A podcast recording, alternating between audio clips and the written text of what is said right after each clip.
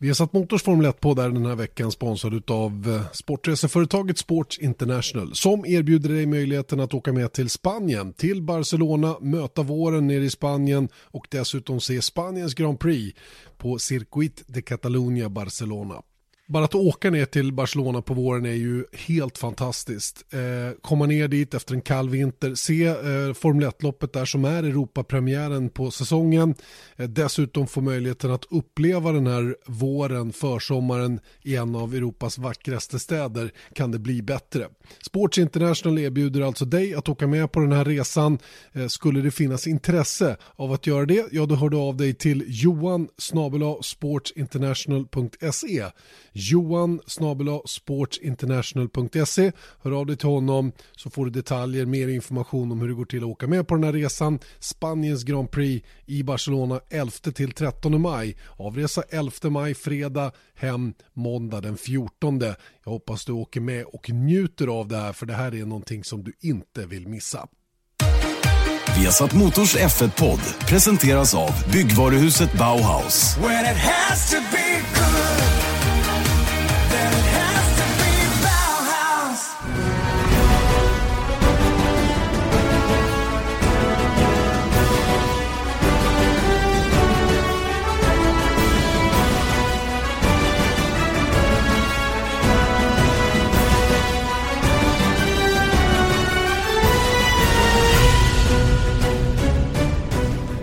Hjärtligt välkomna! Formel 1-podden från Viasat Motor. Tillbaka igen. Janne Blomqvist hemma i Sverige. Erik Stenborg kvar i Los Angeles. God morgon säger vi då till dig eftersom eh, det är sen eftermiddag här i Sverige och 10 timmars tidsskillnad. Eh, jag antar att akklimatiseringen går vidare åt rätt håll tidsmässigt. Mm. Ja, men nu är det inga som helst problem faktiskt. Så det, det känns äh, jättebra. Vi har värsta värmeböljan.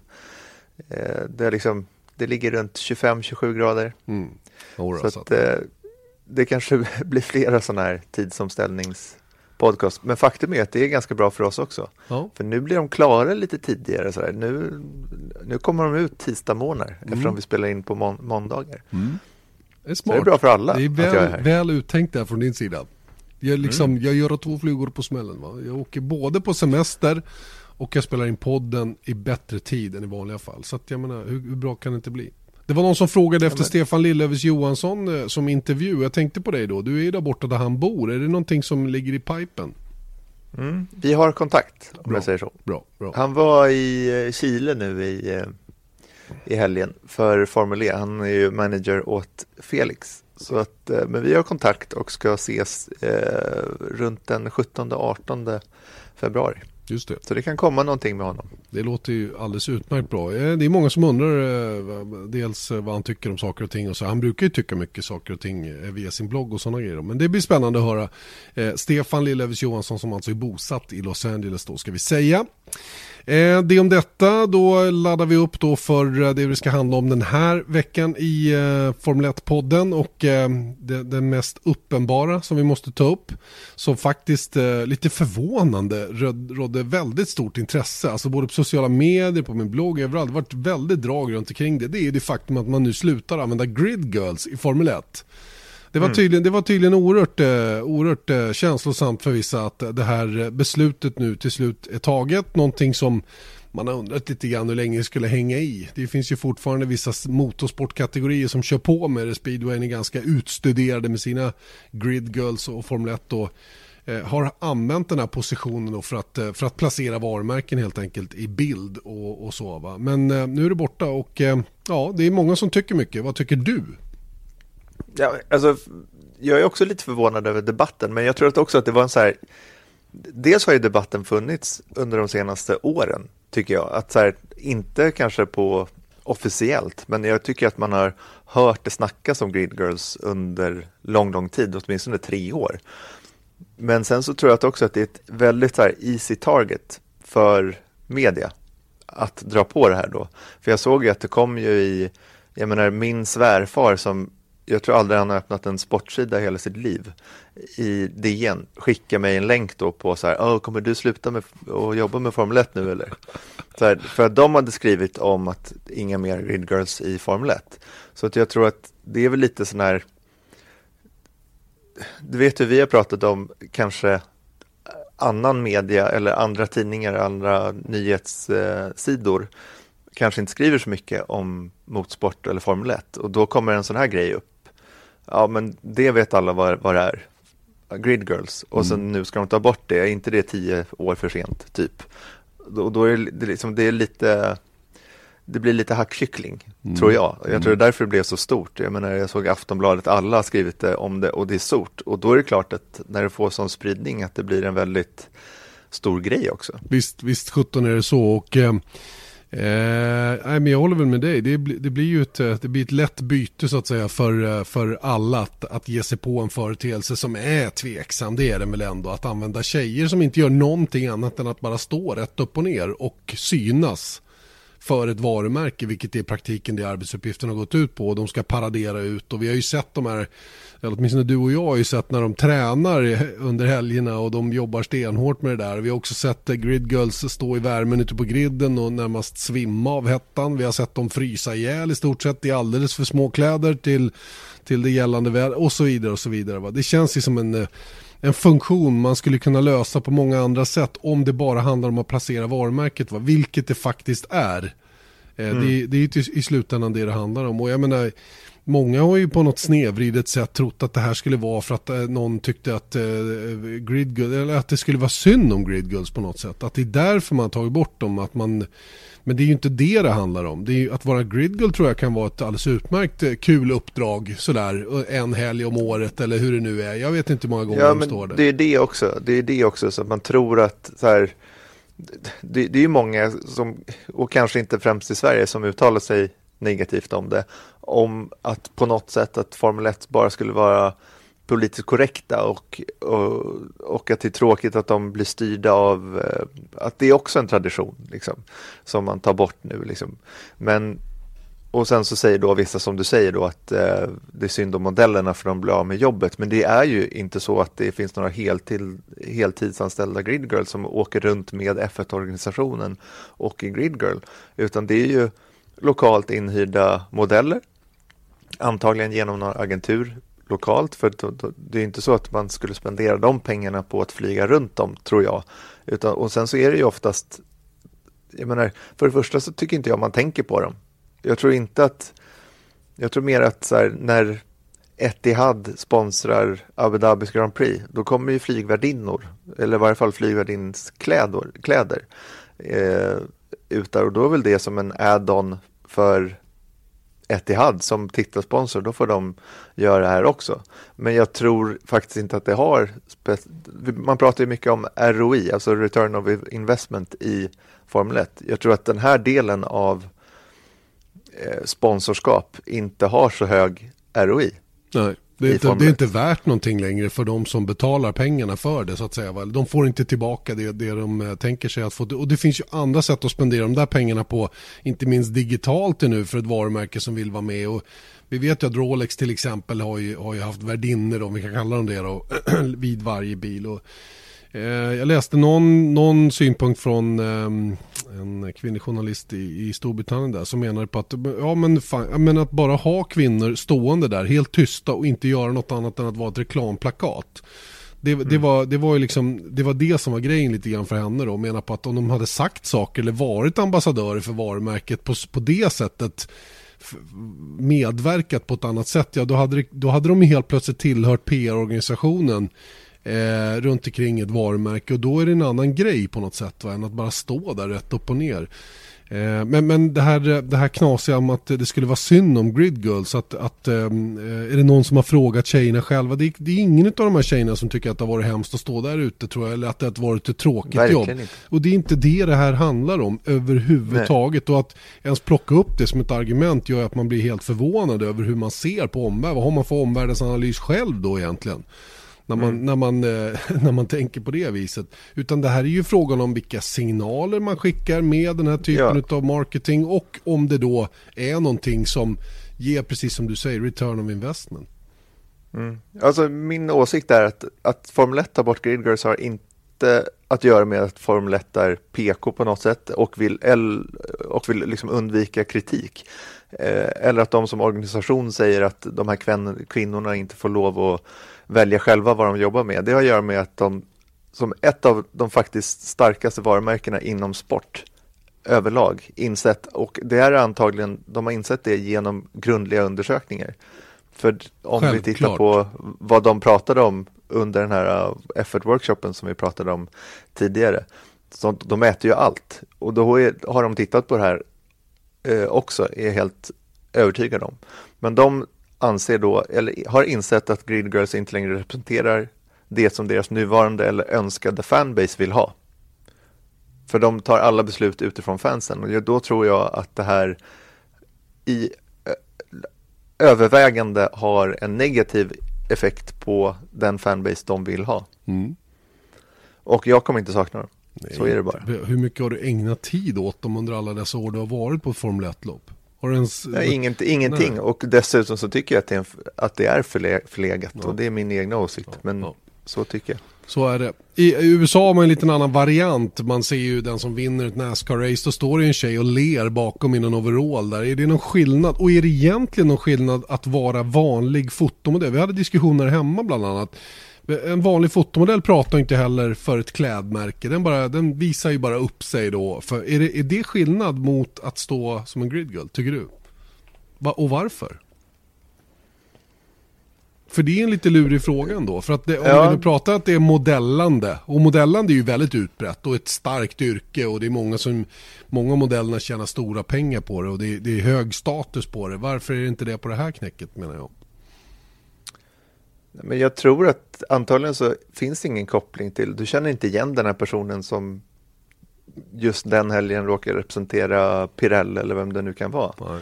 Men det är samma sak som förarna, de representerar ju, jag menar Esteban Ocon eh, representerar BVT mm. också. Mm. Men det är inte så att man pratar med honom om BVT direkt, nej, nej, men, mer... men, han blir ju ändå en ambassadör för sig. Ja, jag fattar hur du tänker ja. där. Men å andra sidan om jag, går, om, jag skulle, om jag nu till väldigt stort äventyr skulle se en catwalk. Inte kände jag igen de som gick där. Nej, men däremot Alicia Vikander, eh, en av de största svenska eh, skådespelerskorna som, eller ja, största skådespelerskorna i världen faktiskt. Hon vann ju en Oscar förra året tror jag. Eh, hon är ju ambassadör för Louis Vuitton. Mm. Ja men och då använder man ju en känd person men många exakt, modeller det... i världen är ju helt okända å andra sidan för den breda massan. Mm. Ja, jo men jag tror kanske, jag tror att eh,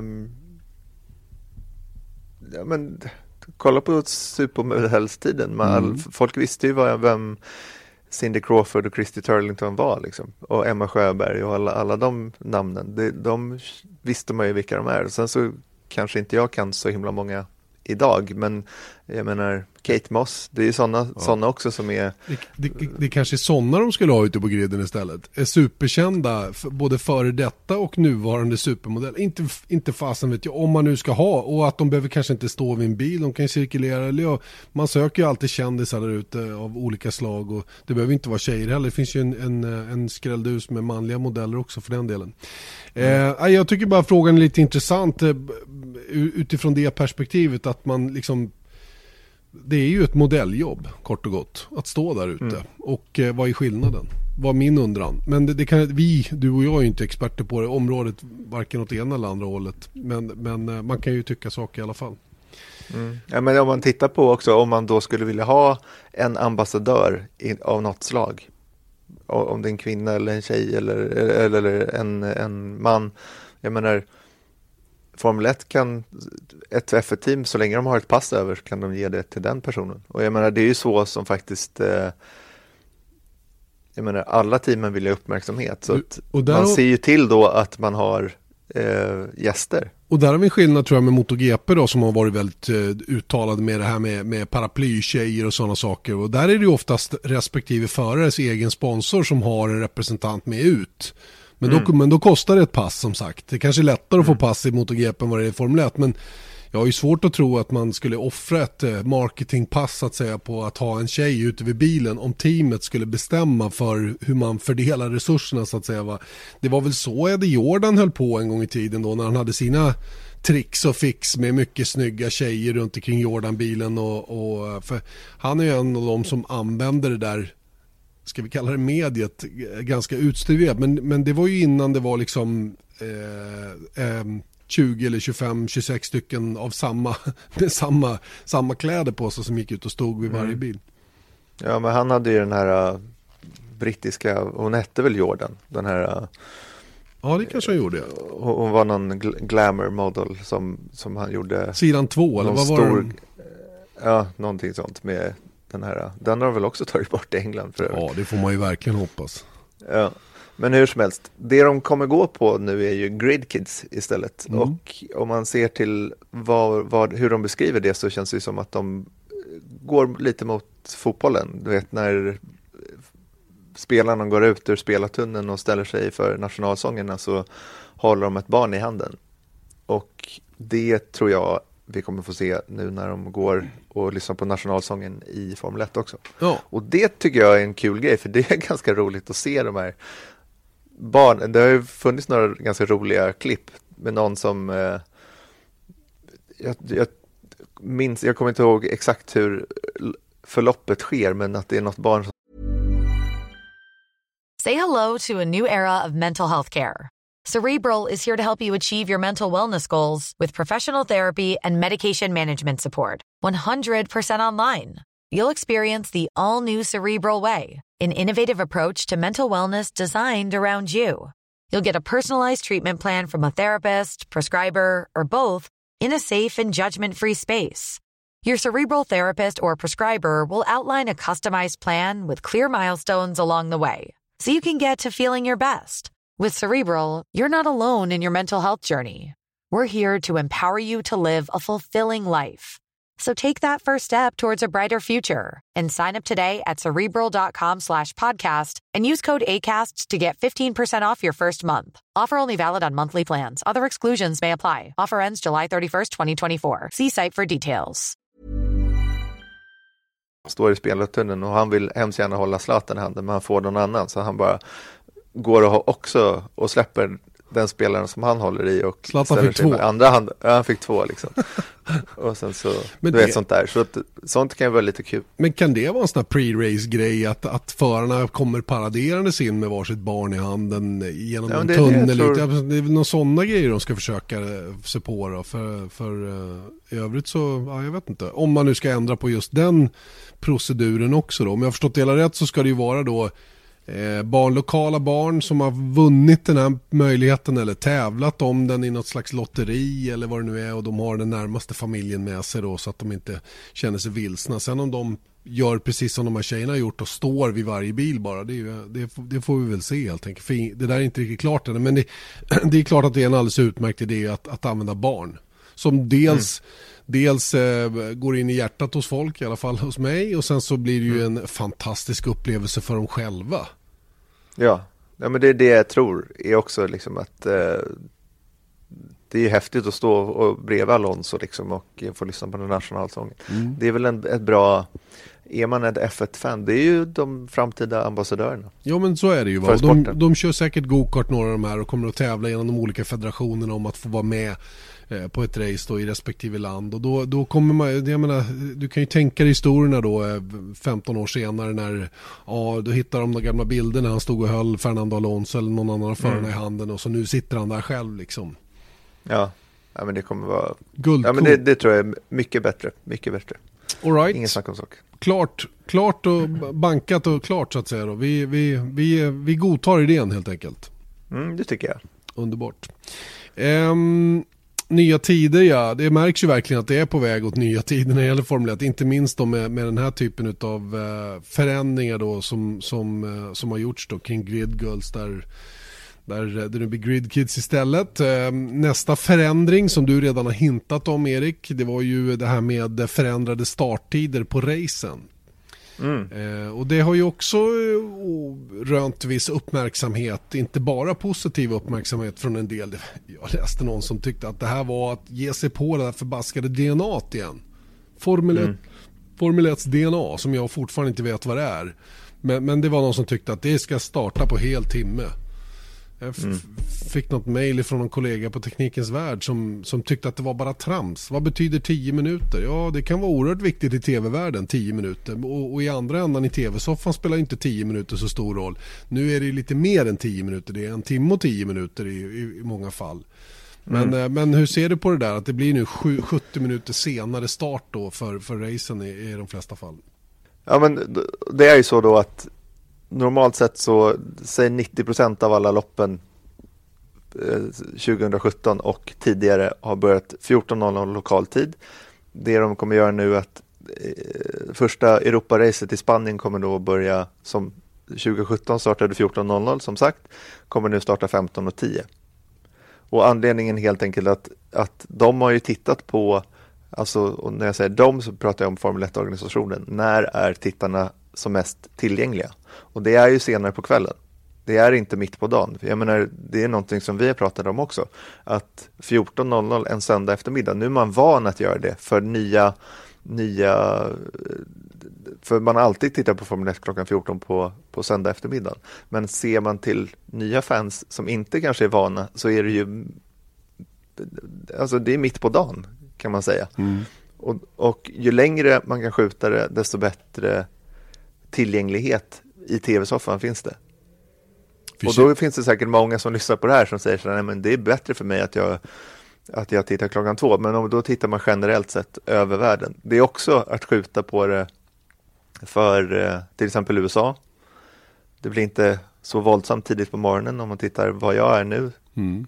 15, 10 minus 6 timmar, då är klockan 9 på morgonen istället för 8 på morgonen. Då kanske det är lite lättare att titta och sånt där. Så att det här är väl uträknat och det var det här de tog upp då under den här F1-workshopen som jag var på i London då för några veckor sedan. Och det är det, det kommer göra stor skillnad, tror Formel 1. Mm. Och det är därför de gör det. Och personligen så, så, um, så uh, var ju i alla fall tidigare och till och med innan jag började jobba med Formel 1 så var ju 14.00 och det var en helig tid och jag hade nog reagerat också sådär, upp, vad är det som händer? Men nu när man tänker efter så, så, uh, så spelar faktiskt inte starttiden någon roll så länge den kommer. Så, så länge racet är där på söndagen så, så, så tycker jag nästan det bara är positivt att vi flyttar fram starten. Du skriver bakåt, mm. flyttar man fram eller bakåt? Jag flyttar fram jag, jag, jag, jag, jag är värdelös på det där så du får berätta. Nej, men jag brukar tänka på när man, det här med sommartid, så man ska flytta ut utemöblerna, man ställer fram klockan på våren, ställer fram den och sen så ställer man tillbaka klockan på hösten när man ska ta in utemöblerna. Man mm. går till vintertid. Alltså, bara så inte vi förvirrar någon. Mm. Jag, jag, jag, är den, en av dem som är väldigt förvirrad. Ja, du kan säga vad du vill. Okay. Vi flyttar starttiden från 2 till 3 och 10 eller 15 och 10. Så, eller 14 till 15 och 10. Och det är ju de allra flesta fall. Den här tio, alltså, timmen, vi kan bortse från det. För om det är 14 eller 15, det måste inte spela avgörande roll tror jag för någon. Men de 10 minuterna blir man ju lite nyfiken på. Där är vi tv-kanaler tror jag rätt vi har varit med och haft en del att säga till om till varför det blir att man skjuter fram starten 10 minuter och förklaringen jag har fått den är fullständigt rimlig. Ja, och det är att de sista tio minuterna beror på att de vill tillgodose de sändande bolag som vill starta programmen på hel timme. För det har att göra med tablåer och sånt. Om man tittar på linjär tv så nu börjar vi våra racesändningar 13.15 generellt sett. Eh, och det har varit en väldigt konstig tid att starta på. Ja, det är konstigt att... att programmera kanalen innan då. Ja, vad, vad, vad sätter man på en kvart innan? Ja, exakt. Så mm. det har varit väldigt kämpigt då att, att få, för man vill ju ha saker på tv hela tiden. Nu är det lite skillnad på Viasat Motor, för det är liksom det är som en live-kanal, men om vi sänder på TV3 till exempel och vi startar 13.15, då kan det vara jättekämpigt för TV3 att säga okej, okay, men då slutar ju det här programmet eh, 12.55. Mm. Vad gör vi då mellan 12.55 till 13.15 när ni ska börja? Exakt. Därför har vi istället börjat 13.00 och kört en timme istället. Mm. För att det varit eh, eh, svårt att fylla den där kvarten. För man kan inte ha en tv-kanal som det händer ingenting på en kvart. Nej, och, och jag menar, det är slöseri. Liksom. Och som sagt, Viasat Motor är ju är inte något stort problem eftersom det är en eventkanal som sänder när det händer någonting. I stort sett i övrigt är det repriser. Men, men, men, eh, men det finns ju många andra stora tv-kanaler som har väldiga problem med att programmera sin kanal om det är knepiga starttider på racen. För vi, jag mm. menar, börjar racet två och de vill ha någon form av uppsnack men kanske inte 45 minuter eller en timme. Då blir det ju liksom Då blir det väldigt knepigt mm. för dem och då kan man köpa att de lägger den här 10 minuterna förskjuten start för att kunna dra igång 10 eh, minuter innan då, det vill säga heltimme och få med någon form av uppsnack då innan det drar igång. Mm. Och jag tror att de tittar ganska mycket på ISBN, det bolag som kommer sända i eh, USA nu. Eh, för de, de har ju köpt rättigheten utan liksom, några krusiduller så att säga. De kommer ju inte göra någon egen studio vad jag förstår eller någonting sånt utan de kommer då kliva på 15.00 och sen så har de 10 minuter där kommentatorerna kan ge tittarna alla förutsättningar de behöver inför starten. Så att det är en sån grej. För oss som gör en införsändning ändå, då blir det här nästan lite knepigt istället för att ska vi starta 13.15 nu och ändå ha, eller ja, 14.15 blir det då, men och ändå ha ett uppsnack som drivs till 15.10. Mm. Det beror lite på, det är det vi håller på att titta på nu, så vi vet inte exakt när vi kommer sätta igång våra sändningar i och med det här. Men vi tittar på det nu för att se vad händer på världsfiden som den heter eh, fram till start. Mm. Och hur kan vi anpassa det till våra sändningar mm. helt enkelt. Ja, för det skulle i teorin skulle det kunna vara så att vi börjar som tidigare men vi, vi det förproducerade är också så lika långt som tidigare. Det är bara det att det finns mycket kul att titta på på feeden så att säga sista, sista stunden mot, mot start så att säga. Då. Ja, så skulle det kunna vara. Eller så ja. startar vi 14.00 sharp och så har vi en timme och tio minuters uppsnack. Oh, men vi får se vad som händer. Eller dyrt. så gör vi, men om vi gör 14.30 eh, till exempel. Nu, nu tänker jag bara högt. Jag vill bara mm. att ni ska ja. förstå lite hur, hur det går. Då tappar vi ju fem minuter från vår normala programmering så att säga. Och det skulle vara tråkigt tycker jag. För att det är mycket som ska hinnas med på de där ja, 45 minuterna. Så gå åt andra hållet Erik. Ja, och vi du, får väl se. Och så får vi mera betalt. Ja, exakt. Vi får väl se om den saken också, tror jag. Eh, får jag som... också mer betalt så ja, då kan jag tänka mig det. Vi, vi är generösa. Vi har ju fått nya ägare nu, eller säga. Inte vi, men MTG i alla fall. Så nu finns det massor med pengar. Exakt, jag får ringa någon, någon i Danmark där och Exakt. tjata lite. Ja, det är bra. Eh, det är om detta i alla fall, så jag hoppas ni har förstått eh, vad, vad det är som har hänt då, då, med den här förändringen av, av tiderna. Det är noga genomtänkt givetvis. Det faller inte i god jord hos alla och det, vi är ju förändringsbenägna i den här sporten, det har ni väl märkt. Minsta lilla grej får ju ra, ramaskri från alla möjliga håll och kanter istället för att man bara låter saker och ting hända. Eh, det tänkte jag faktiskt på när det gäller Grid Girls. Om de hade struntat i och sagt någonting om att de tar bort Grid Girls, nu förstår jag varför de har sagt att de tar bort Grid Girls, men om de inte hade gjort det och sen när vi kom till Australien så stod det smågrabbar där istället. Vi hade ju inte ens reflekterat över, över grejen. Vilket är anledningen till att Grid Girls försvinner förstås. För att de, de har inget, de, det betyder ingenting längre. Så, så, så de, de, hade ju kunnat gjort det på det viset istället. Va? Men nu när man tar bort Grid Girls så säger man att nu tar vi bort Grid Girls. Och sen så får man en massa ja, badwill. Och sen så några dagar senare då Men också kommer, massa goodwill. Ja, jo, men det blir ju både och. Va? Och sen så kommer det då, ah, men vi kör Grid Kids istället. Vilket är toppen. Mjukt in i hjärtat och det är mjuka värden och alltihopa. Så att det, det, på det viset förstår man ju att det var, att det var smart. Men eh, jag vet inte om de har övervägt det på det sättet. Vad tror du? Ja, men det är klart att de vill ha, de vill ju visa att de är framåttänkande också. Det tror jag också är uträknat så att säga. Att de ska få lite, jag menar kolla, även om det var väldigt många som tog upp det nu, apropå den här exemplet som jag hade tidigare, apropå att eh, DN och min svärfar skickade också, men helt plötsligt pratar min svärfar om Formel 1 och det har han inte gjort många dagar i, i sitt liv kan jag säga också. Det var ju slam dunk som det heter på din ja. sida Atlanten. All PR är väl bra PR ja, någonstans. Allt går kanske. att sälja med mördande reklam dessutom. så är det. Till och med blommig falukorv.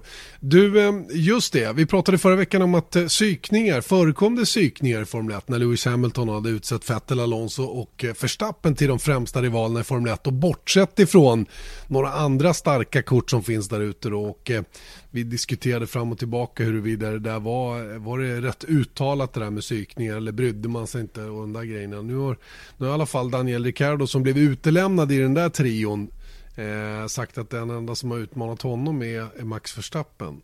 Och han har ju faktiskt mm. kört mot Sebastian Vettel. Ja, exakt. Man kan förstå det när han pratar om, för andra teamkompisar har varit eh, Liuzzi och Kviat, Narein Kartikeyan, när han körde Just det, i HRT, Spanien där. HRT. Ja. Och Jean-Erik Wern Men det är just den där grejen att han säger Fettel. Nu slog han ju Fettel Ja. det år 2014 när han körde, vilket var ju en skräll. Och det var väl kanske en stor anledning till att Fettel lämnade Red Bull efter det. Och sen är det väl om man, om man tyder ordagrant vad han har sagt så har han inte utmanats mer än utav Max Verstappen bland alla sina teamkamrater. Och Vettel utmanar ju faktiskt inte Daniel Ricciardo det här året. Nej, exakt. Men det är just den grejen tror jag att läser man det som Sebastian Vettel så kanske man, Ja, man ser det på ett annorlunda sätt. Ja, nej, men de tar väl chansen att att trycka till lite när de kan. Vi, vi kan väl bara konstatera att psykningar finns. Ja, det tror jag faktiskt också. Men det som jag tyckte var lite kul, om vi hoppar lite vår, vår lista, Janne, var ju att det här som kom ut eh, häromdagen, en, art, en artikel på Autosport där, eh, med Lance Stroll, Just där det. han säger att eh, I mean, jag fattar inte varför folk eh, tror att det var någon form av mentorskap mellan mig och Felipe Massa.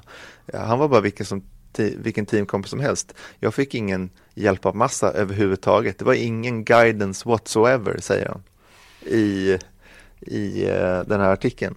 Och det är faktiskt någonting som vi liksom, man har ju ansett det att Massa, han är erfaren och kan då hjälpa unge Lance Stroll till rätta i den här eh, hemska sporten Formel 1 eller den här svåra sport, sporten Formel 1.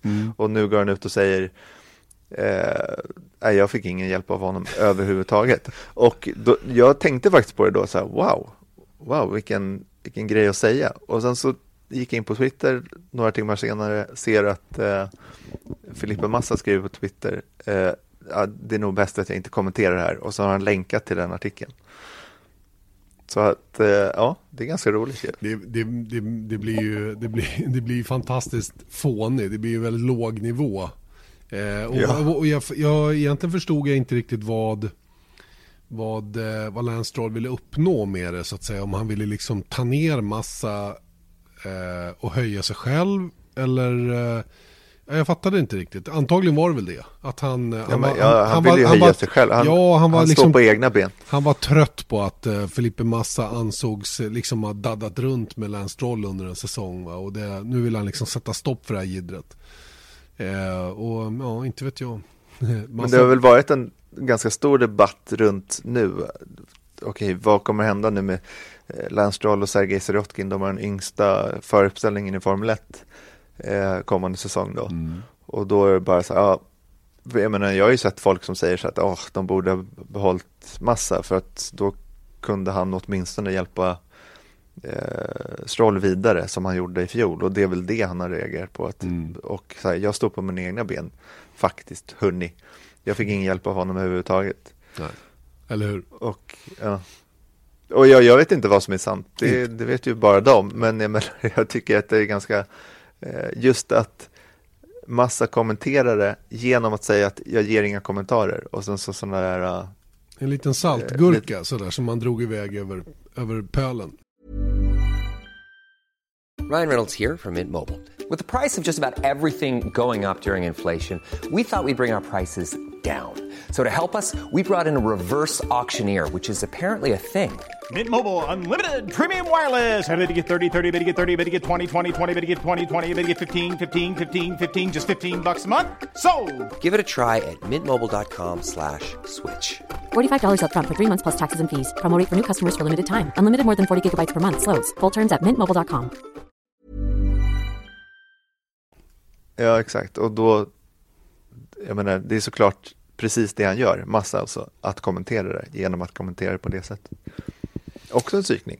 Visst, visst sjutton är det så. En annan grej som jag har noterat med Felipe Massa det är att han har helt plötsligt bara vräker han ut träningsbilder. Jag har inte sett en enda träningsbild från honom tidigare när han körde i Formel 1. Nu när han slutat köra Formel 1 då får jag se om man nu orkar följa honom, eh, att han ligger och kör en massa övningar där. Ser ju fantastiskt ut, han är otroligt vältränad, han gör chins som ingen annan människa och det bara flyger upp och ner där och hej och. Men jag undrade varför, vad är liksom grejen med det då? För det där är inte by accident. Att de bilderna kommer nu på hans Instagram till exempel. Utan det, är, det har ju något syfte.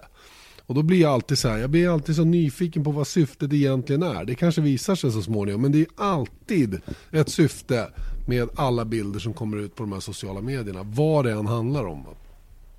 Och eh, Men Det där kan man ju, han har väl någonting på gång antar jag, Felipe Massa. Han kanske har en, eh, han kanske, det kanske går rykten hemma i Brasilien om att han hade blivit floffat till sig lite. Och att det, mm. det, det, hängde i luften med vad han skulle göra och då behövde han, nu ska jag köra som en jävla idiot här och så ska jag... Var det så? Nej, jag har ingen aning men Nej. varför ska han annars helt plötsligt visa bilder från gymmet? Hallå?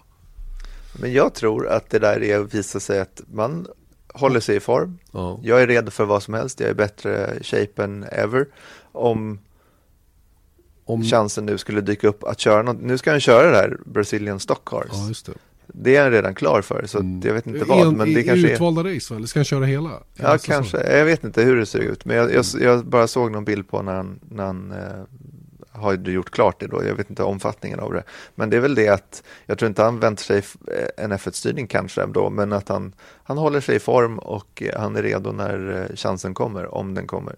Det är väl typ så. Och det är precis samma sak som, jag har noterat det med Pascal Wehrlein också på, på Twitter. Han lägger ju bara ut träningsbilder också och nu eh, senaste dagarna här så, så filmade han att han var på väg på något flygplan och kom hem väldigt sent och sen så var en bild på, på, på eh, en Merca i vad jag antar är receptionen i Brackley.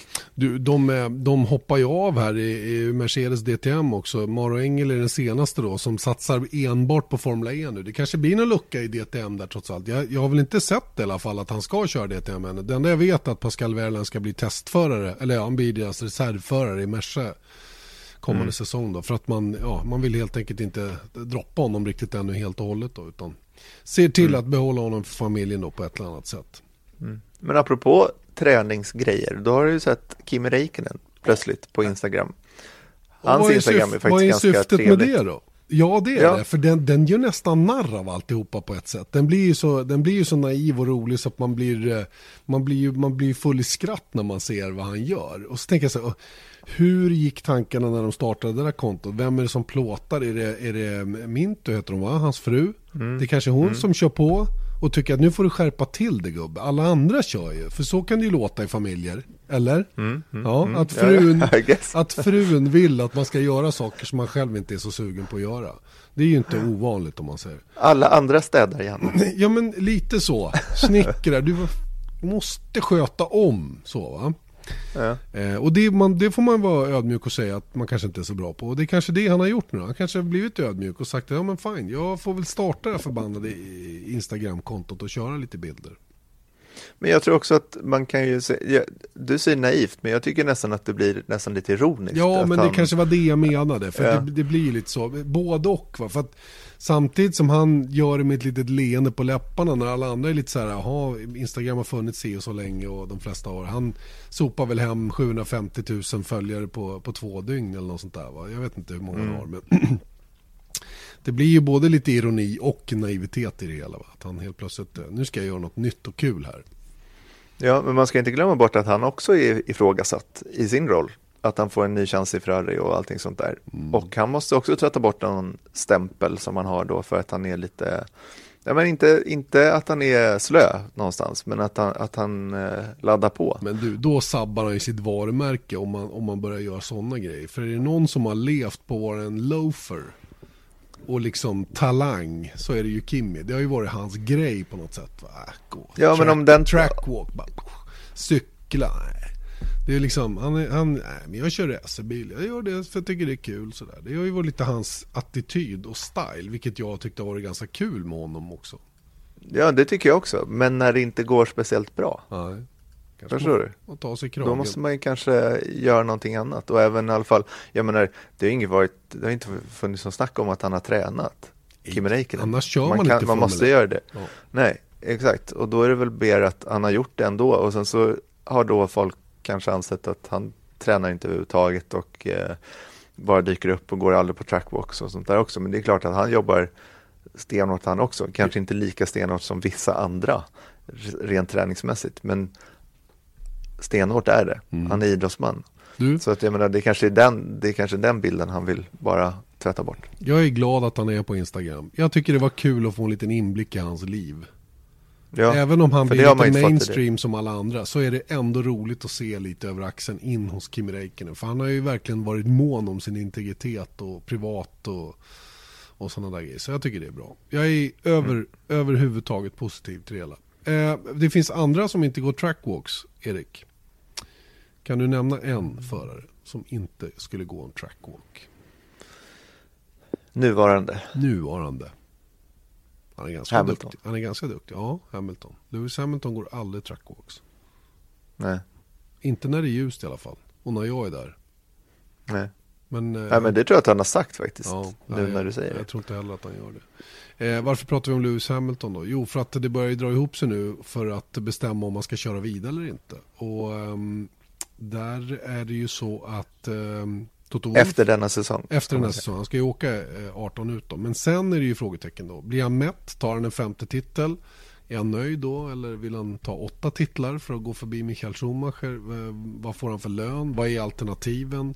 Det finns många frågor. Och vad vill han göra förutom att köra Formel 1? Han har hyggligt mycket pengar redan. Han har ett stort intresse vid sidan av Formel 1 som han odlar och, och, och ja, tar hand om så att säga då, med musik och sådana grejer. Är det, jag vet inte, vad tror du? Ska han, ska han köra vidare?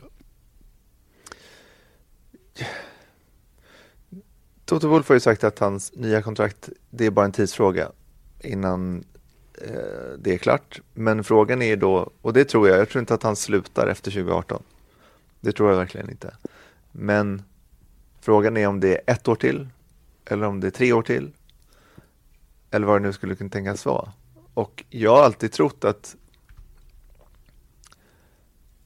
Ja, för det första ska man ju säga det att om Hamilton skriver på ett kontrakt så kan han nog komma ur det också. Om han sen känner sig less av någon anledning. Så att jag tror att även om man skriver ett kontrakt på tio år så ska vi inte vänta oss att han är, att han är kvar där. Vad vore rimligt då? Att han skrev ett nytt kontrakt, den, den, det här reglementet ut.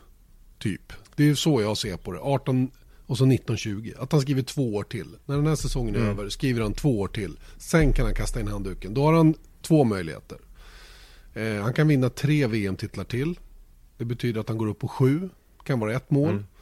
Eh, han slipper börja om med allt det här tunga arbetet som det innebär även som förare då att, att hoppa på i någonting nytt och beroende på vad, hur bilarna kommer att se ut från och med 2021 och vad det blir för motorer hela den grejen. Plus att han då börjar bli lite till åren faktiskt. Så att... Eh, Hur gammal är han? Ja, 30 Typ. någonting? två kanske. Vi har ju en dator framför oss här så jag kollar det på en gång. Eh, och det är ju, han, han är född 1985. Åh, det är han är född i januari. 33. Han är en stenbock. Det är inte undra på att han är snabb. Jaså? Mm. Jag vet inte. Jag fattar ju precis nu vad det handlar om. Okej, det har, det har för, för, Nej, jag skojar bara. Eftersom jag är född fem dagar senare. Hur som helst. ehm, 30, vad sa vi, 33 blir han i år. Eller han har fyllt 33 och eh, skulle ju då om ytterligare tre år då vara upp mot 35. Det är ju en bra ålder att sluta. Men å andra sidan kan han ju åka fem år till. Så att, eh, det är väl lite en brytpunkt där tror jag. Jag tror att nästa kontrakt blir fram till 2020. Sen får vi se. Mm. Och då är det någon form av inväntan på 2021 kanske? Typ. Där då man säger då än en gång att det är där den stora förändringen kommer. Det är där det nya reglementet kommer in. Eh, eller nästa reglemente kommer in. Ehm, ja, Merca som för övrigt letar efter nya talanger. De eh, har ju gjort det ett tag. Eh, och framförallt tagit hand om talanger. Men kanske inte, kanske inte tagit dem direkt från, från bakbordet så att säga. Utan det är först när de har bakats färdigt till viss del. Det vill säga i, i lite lägre formelbilsklasser. Nu eh, vet jag att du, du, ehm, du hade sett att han nämnt någon 12-årig italienare där som man är lite sugen på. Som, som verkar snabb. Mm. Ja, men det, det, det är samma artikel faktiskt där de pratade om att Hamiltons kontrakt är eh, en tidsfråga. Men också då att de har börjat titta, se sig om efter nya Lewis Hamilton och det är ju inte så förvånande i sig för det är klart att alla vill hitta nya eh, Lewis Hamilton men det som, och sen så vet man ju också att Mercedes har varit jag menar, det är ett jättestort bilmärke som är involverade i massa olika klasser. Jag vet att, jag menar, kolla på Felix Rosenqvist, han var stödd av Mercedes under F3-tiden. Så det vet man ju att de har ju haft eh, fingrarna i massa syltburkar runt om i racingvärlden. Men just sättet han beskriver det på apropå den här 12-åriga italienska kartingförare. Jag, jag, vet inte vem det är, men jag visste faktiskt inte att, att Mercedes hade support så långt ner i kategorierna. Och där är liksom Red Bull-stuk, så mm. som vi har varit vana vid att Red Bull har hållit på. Att de signat upp massa unga förare, betalat dem lite grann eh, redan i karting alltså, och sen så tagit dem vidare, de som utvecklas bäst. Mm. Eh, det är ju någonting som man har fått uppfattningen om att Red Bull inte gör längre. Nej. Av ja, någon anledning. De, de, är ju väldigt långt ner i åldrarna. Jag vet att det finns en ung norrman som heter Hauger, Hauger kanske? Som mm. eh, ska åka F2, eh, F4, förlåt, F4 kommande säsong. I, eh, I England tror jag. Och han har ju fått support från Red Bull. Och det pratar med Harald Heusman som, ja, som är känd norsk racingprofil och kört lite bort i Nordamerika och var med och tog in Jenson Button i Formel 1 och han var i det lovord för den Hauger. Jag ska ta reda på vad han heter pojken men eh, eh, han eh, sa det att den här, killen, han, den här killen gör helt andra saker än, eh, på, i bilen än många andra och, och spåddes en helt fantastisk framtid och, och, det är väl precis det, det Red Bull behöver. Ehm, när det gäller, ja. jag ska se, jag har svårt att prata och skriva samtidigt här. Men, men um, Dennis Hauger heter han ja, så heter han. 14 år från, uh, från Norge. Så att, mm. det, det, är ju en, en ny ung kul talang som, som norrmännen kan få fram. Det kan de behöva. Mm, ja men verkligen, det skulle ju liva upp det i, i Norge. Men det är det jag menar att det, jag blev lite förvånad ändå att, att det fortfarande pågår. Jag trodde att det var lite sådär att man tog, de fick alla, i alla fall utveckla sig själva in i bilracing. Mm. Och det gör man ju väldigt tidigt nu ändå, men jag trodde inte att man höll på eh, och tittade på karting, att man scoutade karting eh, scenen så att säga för att hitta nästa F1-förare. Jag menar, jag vet att Hamilton var ju 13 eller någonting när han började köra för under McLaren-flaggan. Men grejen är väl att Mercedes har väl generellt sett eh, hållit sig till etablerade förare. Jag menar, sen de kom in var de kört med. Michael Schumacher, mm. Nico Rosberg, Lewis Hamilton. Och mm. nu Valtteri Bottas. Det är de fyra som har kört för Mercedes sen återkomsten i, i Formel 1 då, som fabriksteam. Och de har inte behövt finnas på juniormarknaden på det sättet. Det började ju då med, med Pascal och, och med Esteban Ocon egentligen. Där man tog mm. upp två väldigt duktiga nya talanger och in i... Sen var det ju ett sidospår där med Valtteri Bottas då som fanns i Toto Wolfs managementprogram. Som, som också har kämpat på med ekonomin naturligtvis då för att försöka få den karriären att rulla på. För det är ingen som lägger några egna pengar utan det finns ju massor med bolag och företag som man måste attrahera då. Dels i de här programmen då, dels på andra sätt. Så att, eh, och det, det kanske är nytt nu då att Merca, för det borde ju borga för att man, man ser en ganska lång framtid i Formel 1 i alla fall. Om man börjar ja, leta så långt ner. Exakt, det är steg två i den här diskussionen tycker jag. att man har alltid varit orolig över att eh, Mercedes som ett bilmärke, om det börjar gå dåligt och då är det, eller man kan byta vd i ett sånt här företag som inte är speciellt intresserad av eh, Formel 1 mm. som sådant. De kanske är mer intresserade av att gå en annan väg. Eh, det kan ju påverka ett beslut att vara med i Formel 1. Sen så är det inte så att man rycker sladden direkt och sen så är man borta till nästa säsong utan det är en, en, en stegvis process också då. Men, men jag menar, se hur det gick för Toyota när finanskrisen kom. Då hoppade de av. Samma mm. sak med BMW. Mm. Så att, eh, men det faktum att de fortfarande, sen så har ju de racingprogram i andra delar också. Alla bilmärken i någon form måste ju tävla måste, men de vill gärna göra det. Ja, det Speciellt ju, när, man har, när man har sportbilar. Det är ett vedertaget så. sätt att sälja bilar på i alla fall och ett fungerande sätt att sälja bilar på. Så, att ja, så det behöver inte vara mot Formel 1, men jag tror att det känns ändå som att Mercedes är där eh, än så länge långsiktigt, även i framtiden. Mm. Alright, eh, och apropå kontrakt, Daniel Ricciardo börjar också snacka om att han är vid ett vägskäl när det gäller vad han ska ta vägen. Ska han förlänga med Red Bull? Ska han gå till något annat team? Ska han ta över efter Kimi Räikkönen? Ska han vara den som tar över efter Lewis Hamilton på kort sikt? Jag menar, det gäller ju att täcka alla baser här så att säga så att man vet. Men det är inte någon lätt situation för Daniel Ricciardo är en kille som är världsmästarmaterial rent förarmässigt. Han vet vad som krävs för att bli världsmästare. Det är absolut rätt timing, rätt material, hela den grejen. Och det här, så här snackar vi fingertoppskänsla och det är den fingertoppskänslan som, som Fernando Alonso har gått lite bet på genom åren när han har letat rätt väg att gå för att så, nå sina drömmars mål. Det känns lite som att Ricardo kan bli killen som aldrig nådde VM-titeln på något sätt. Eh, trots att han är så ohyggligt snabb och kör racerbil. Mm. Och jag tror på något sätt har jag en känsla av att han är på jakt efter att lämna Red Bull. Mm, jag också kände det. För att de, Red Bull har liksom varit så um, tydliga med vad de tycker om Max Verstappen. Och Max Verstappen har svarat med att leverera på banan. Och den relationen verkar stark just nu. Mm, och skrivit på ett långt kontrakt. Exakt. Ja, han förlängde med ett år. 2020. Mm. 2020, ja men visst. Men han, att han förlängde Tre under 2017 till 2020, 2020 är ändå eh, någonting tycker jag. Så att jag vet inte. Och sen så det, det faktum också att de lånade bara ut Carlos Sainz. Mm. De eh, sålde honom inte. Jag menar han är fortfarande Red Bull-förare fast han är hos Renault nu.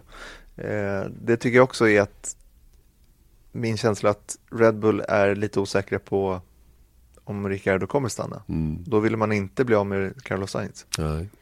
Och, och Ricardo Fettel igen vore ju rätt fränt då med tanke på hans uttalande som vi pratade om tidigare där. Det hade ju varit, jag tycker det är en spännande uppställning hos Ferrari. Nu tror jag kanske inte att det kommer att bli så för att eh, vem skulle Ferrari annars då? Ja, jag tror ju att Leclerc ligger bra till för den där platsen. Så att, att Ferrari någon gång tar, tar, sig, tar, tar sig kragen och vågar satsa på någon yngre förmåga. De, de har ju alltid kört med etablerade förare. Men jag tror att Charles Leclerc ligger ruskigt bra till för att bli den första på väldigt, väldigt länge som kommer från de egna leden in i Ferraris huvudteam.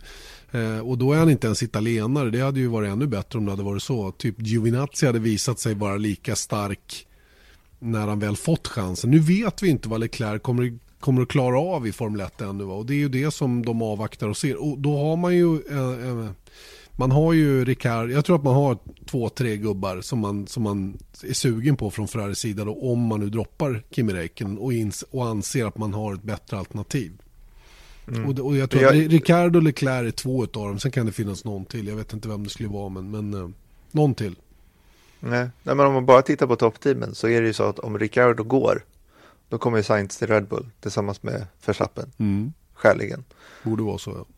Ja, och sen så det, ja, men det finns faktiskt ganska mycket sånt här att börja titta på nu när vi pratar silly season redan i, i februari så då har det gått långt kanske. Men, men jag menar, Reikinen känns som att han kanske inte kommer fortsätta i eh, 2019. Beroende på vad han gör. Allting beror ju på vad han gör 2018 såklart. Men jag menar, går det inte bra för Leclerc i Sauber i år, då tycker jag att man kommer ganska fort börja tänka sig att det kanske är Ricardo som har den platsen mm. istället. Då. Mm. Och, då, och då har ju Ferrari möjligheten att göra det de alltid har gjort. Välja etablerade, duktiga förare som man vet har ett bra track record. Eller så har de alternativt att gå för ungdomen då om det visar sig att den håller den klass som man bedömer krävs för att gå in i Ferrari och sen vara den som man ska bygga på för framtiden. Då. Det, vore ju, det vore lite kul att, att se om Ferrari verkligen vågade ta det steget, tycker jag. Mm. Mm. För jag tror inte att Ricciardo kommer gå till Mercedes, för där tror jag Ocon kommer. Ja, om, jag... om de gör sig av med Bottas. Rimligen, och även om, om, eh, om, ja det ska ju vara om Hamilton går. Då, då kan ju Ricciardo vara ett alternativ. Om Hamilton men inte väl... efter 18, det känns inte som att han... Nej, nej, nej, men det, det kan ju vara så att uh, Hamilton är sugen att åka röd bil ett tag. Ja, så kan det ju vara i och för sig. inte vet jag. Men... Tillsammans med Vettel. Ja. Ja, vi kan vrida och vända ja, på herregud. alla de här förarna. Och, det, och det, här är ju, det är ju det som är så häftigt med silly season. För man kan ju sitta så här och bolla upp och man har alltid något argument som talar för sin sak. Va? Men sen så börjar man tänka efter, nej men det där stämmer nog inte. Och så tar man en ny, nytt paket och tycker man, oh, så där måste det bli. Och så, så nej men nej. Det kan inte nej. bli så. Ja men du vet, så, så det är ju det som är häftigt. Och det kommer vi mm. hålla på med under hela 18. Och framförallt andra halvan av 18 när de här rapporterna börjar komma om och du vet när, när managers börjar droppa lite grejer till olika journalister för att det ska komma ut prylar och börja snacka som en viss förare och sådana prylar. Spännande. spännande. Det ska bli spännande. Vi har mycket spännande att se fram emot. Det har vi. Absolut. Och vi har en, eh, liten, en liten stund kvar av denna podd också. Eh, vi har satt Motors Formel 1-podd. Vi eh, tar en kortare paus här så fortsätter vi alldeles strax igen. Ja, vi har satt Motor tillbaka. Formel 1-podden alltså med Janne Blomqvist, och Erik Stenborg. Eh, du har ju varit lite rolig och ordlekt här i vårt lilla körschema. Hello, here we go again, skriver du. Vad betyder det? Jo, det var så här nämligen. Att jag är ju i Amerika som sagt och eh, jag har tjatat om tennis eh, några gånger. Jag gillar att spela tennis och då gick jag till en tennisbana och tog en tennislektion för jag har ingen att spela med här borta. Och eh, då i en liten paus under den lektionen så sa tennisläraren Jared, som han hette, eh, frågade vad jag höll på med. Jag berättade att det var min Formel 1 och då blev han eld och lågor för att han var då tillsammans med en, en finländare som eh, var galen eh, i Formel 1 och satt upp hela nätterna eh, för att titta på Formel 1. Hade, hon hade Kim Räikkönen som favorit, Big Surprise. Men han, han var inte dugg intresserad och kunde inte bry sig mindre egentligen. Men han var då så här, okej, okay, om det är någon, jag, måste kunna imponera på henne när jag kommer hem ikväll. Eh, berätta någonting om den nya säsongen som jag, som jag börjar känna till så kan jag bara droppa det när vi käkar middag. Och då pratade jag om som den största kanske eh, nyheten som kommer är väl att det här Halo kommer. Han bara, ah, Halo, ah, okej. Okay. Så, och sen så visade jag en bild. Och jag har aldrig sett någon bli mer bedrövad i ansiktet när han såg den här bilden på, på Halon. Han bara, what the fuck? Mm. Are you serious? Are you serious? Sådär. Och det här tror jag då fick mig känslan av att i och med att han inte var, han var ju lite så här på tröskeln, han kanske skulle sett något lopp här, F här där. F1 till husbehov så. Exakt, och eh, de kanske skulle åka till Texas eh, i år och, och titta då. Och, men han blev helt tagen av att han tyckte att Halon såg så konstig ut. Och det här var ganska intressant att se någon som såg den för första gången. För jag menar, vi har sett Halon i två års tid åtminstone, så mm. vi är mm. inte speciellt förvånade. Men jag tror att nu när de här nya bilarna börjar komma nästa vecka eller nästa, nästa vecka eh, så kommer det här diskussionen dyka upp igen. Vad i helvete mm. Mm. är det här för mm. någonting? Ja, jag är helt, eh. jag är helt övertygad. Det var ju exakt samma när de nya motorerna kom. Då var det ju så här, ja men då hade det kommit så här lite smakprov och folk var så här, ja försiktiga. Det, det, ja, en del tyckte väl inte, en del tyckte det var bra. Sen när bilarna väl kom ut då var det ju totalt ramaskri. Och jag tror att det tog Formel 1 lite grann på sängen. Och precis som du har skrivit här så, så är man ju lite nyfiken på hur förberedda man är på den storm av kritik som kommer att komma från de som är mest högljudda. Och det brukar vara rätt så få personer men de är väldigt högljudda å andra sidan. Så att, och jag, jag har faktiskt funderat på det här med Halon själv för jag såg någon, någon autosportjournalist eh, gjorde sig lustig över Halon nu när Indycar ska testa windscreen. För han menar mm. på att om, om Indycar nu testar windscreen och får det att funka då tror jag kärleken för Halo eh, inte kommer att bli starkare menar han på dem. Och jag blir lite, jag blir provocerad av att man pratar om Halon enbart utifrån hur den ser ut. Inte varför den sitter där.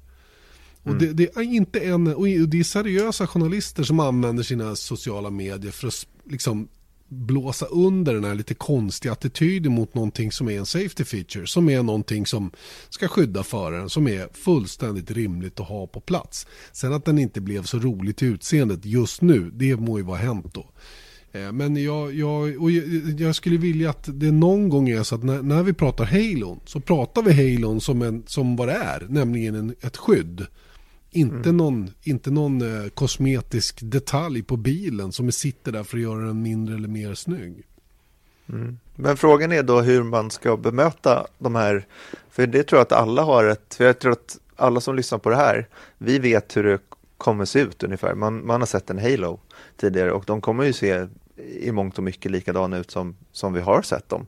De kanske kommer vara lackade eller någonting annat på dem som kanske kommer göra att det, att det flyter ihop bättre. Mm, mm. Men när jag drog för Jared eh, den här säkerhetsaspekten, jo men det är liksom ett huvudskydd då för flygande däck och det kunde han ju köpa men han tyckte ju fortfarande så här, men vadå? Hans, hans eh, eh, liksom från höften reaktion var ju att varför sitter de inte en, en vindruta? Och då jag bara, nej men det är så för att de provade det och då han som körde mer än eh, mådde illa efter varv. Ja, liksom, sådär. Och, och det, det tar ju alldeles för lång tid.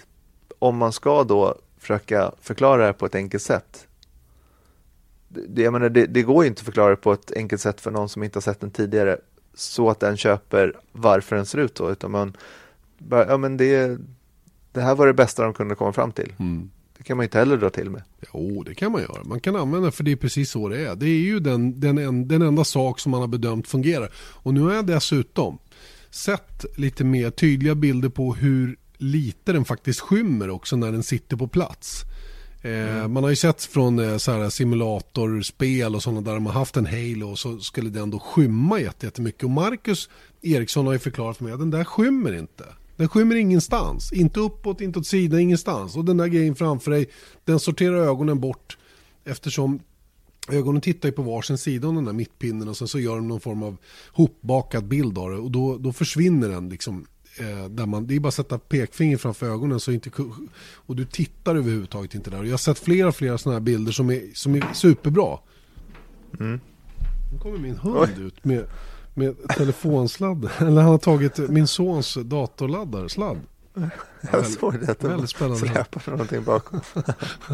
han är lustig den här göken. Men han har ingenting att göra. Så, vänta, jag ska bara gå och ta den här sladden. Mm. Låt bli mina grejer. Så. Han blir jättebesviken. Ja, men han blir sjukt arg på mig nu. Eller ledsen. Men det får vara så. Ibland måste man vara... Du som har småbarn, ibland måste man ta i med mm. hårdhandskarna. Mm. Eh, vad var jag? Vad pratade jag om? Halo. Och eh, Halo. att den inte, den skymmer inte sikten. Nej, jag tror det gör den, inte. Den skymmer ingenting. Jag tror inte förarna kommer ens att notera att den sitter där. Det kommer att vara ein bisschen krångligare att hoppa i och ur. Men det är ju mm. det enda. Som jag ser det. Men jag, jag... tror det, det ska ändå intressant att se då den, de första, vilka är den första som släpper bilen? Eh, det är Williams Nya faktiskt på nästa vecka, på torsdag, den 15 februari. Mm, nästa vecka på torsdag, då kommer det här dyka upp igen. Mm. Då. Och då ska det bli intressant, för att det här måste de också Men reagerade på du på Formula E-bilen? Den var ju himla snyggt integrerad tycker jag, ja, på den bilen. Och det är inte 17 funderade jag på det. Att, ja, okej, oj, jaha. Nej, men däremot, jag, jag, pratar inte om oss här. Nej, nej, nej, men alltså. För det, är, det, det är det som är intressant här, att det är ju mm. folk som vi och alla som lyssnar här har nog hängt med på att den kommer. Och vi kommer inte vara, jag är lite mer spänd på att se hur den kommer se ut och jag menar, jag, jag är mentalt förberedd på att den kommer sitta där. Däremot sådana som inte är superfans, Nej, nu visar Janne en sladdstump här. Oj, oj, oj. Nu blev jag helt plötsligt skyldig min son en ny laddkabel till datorn. Det var inte Nej, det är en så. Det är en ja, så. Det, det, är han som får ta den. Ja, precis. Jädrar, det var inte bra. Det var många bättre den där kabeln. Det är tur att jag har den också så att det inte krisar i början. Jag får åka och köpa en ny imorgon. Det var inte bra. Mm. Är de dyra de där? Det tror jag. Ja, det tror jag. Men du har råd Janne. Jag får skälla på hunden när vi är klara. Men det är ju så när man är själv. Nu går han in och... Jag såg honom gå bakom. Ja, men han har gått ner nu. Så nu gör han nej, nej, nej, nej. Han, han är inne i rummet igen. Han letar efter en. Pausmusik. Pausmusik. Vi ska bara runda av än så det är okej. Okay. Vi ska bara runda av. Nu är jag tillbaka igen. Ja, jädrar. Han går väl ner och gör något satig annars. Att, äh, jag sitter nere på övervåningen och gör det här och så busar han ner. Men där har han sina andra kompisar, de två bulldoggarna.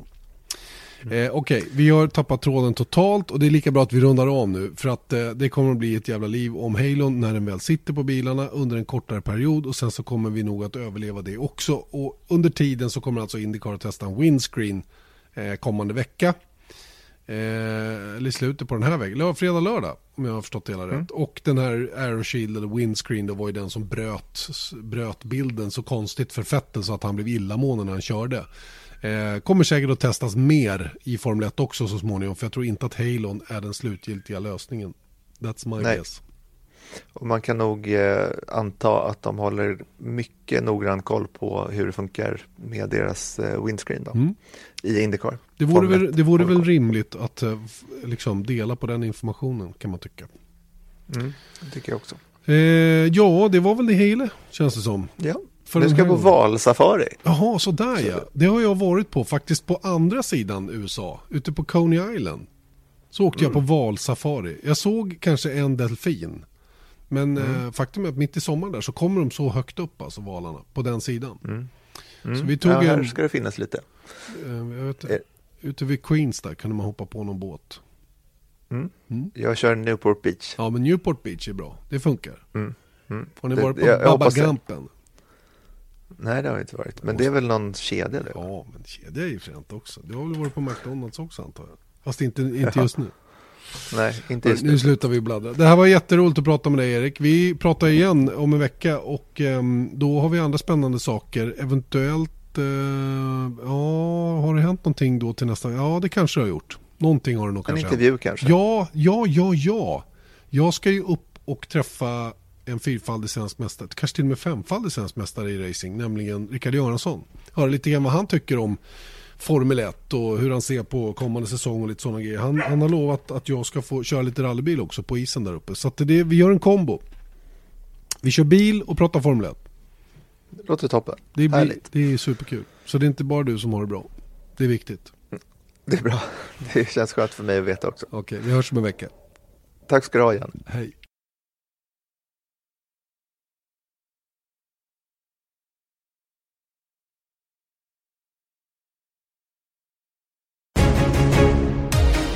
Vesat Motors F1-podd presenterades av byggvaruhuset Bauhaus.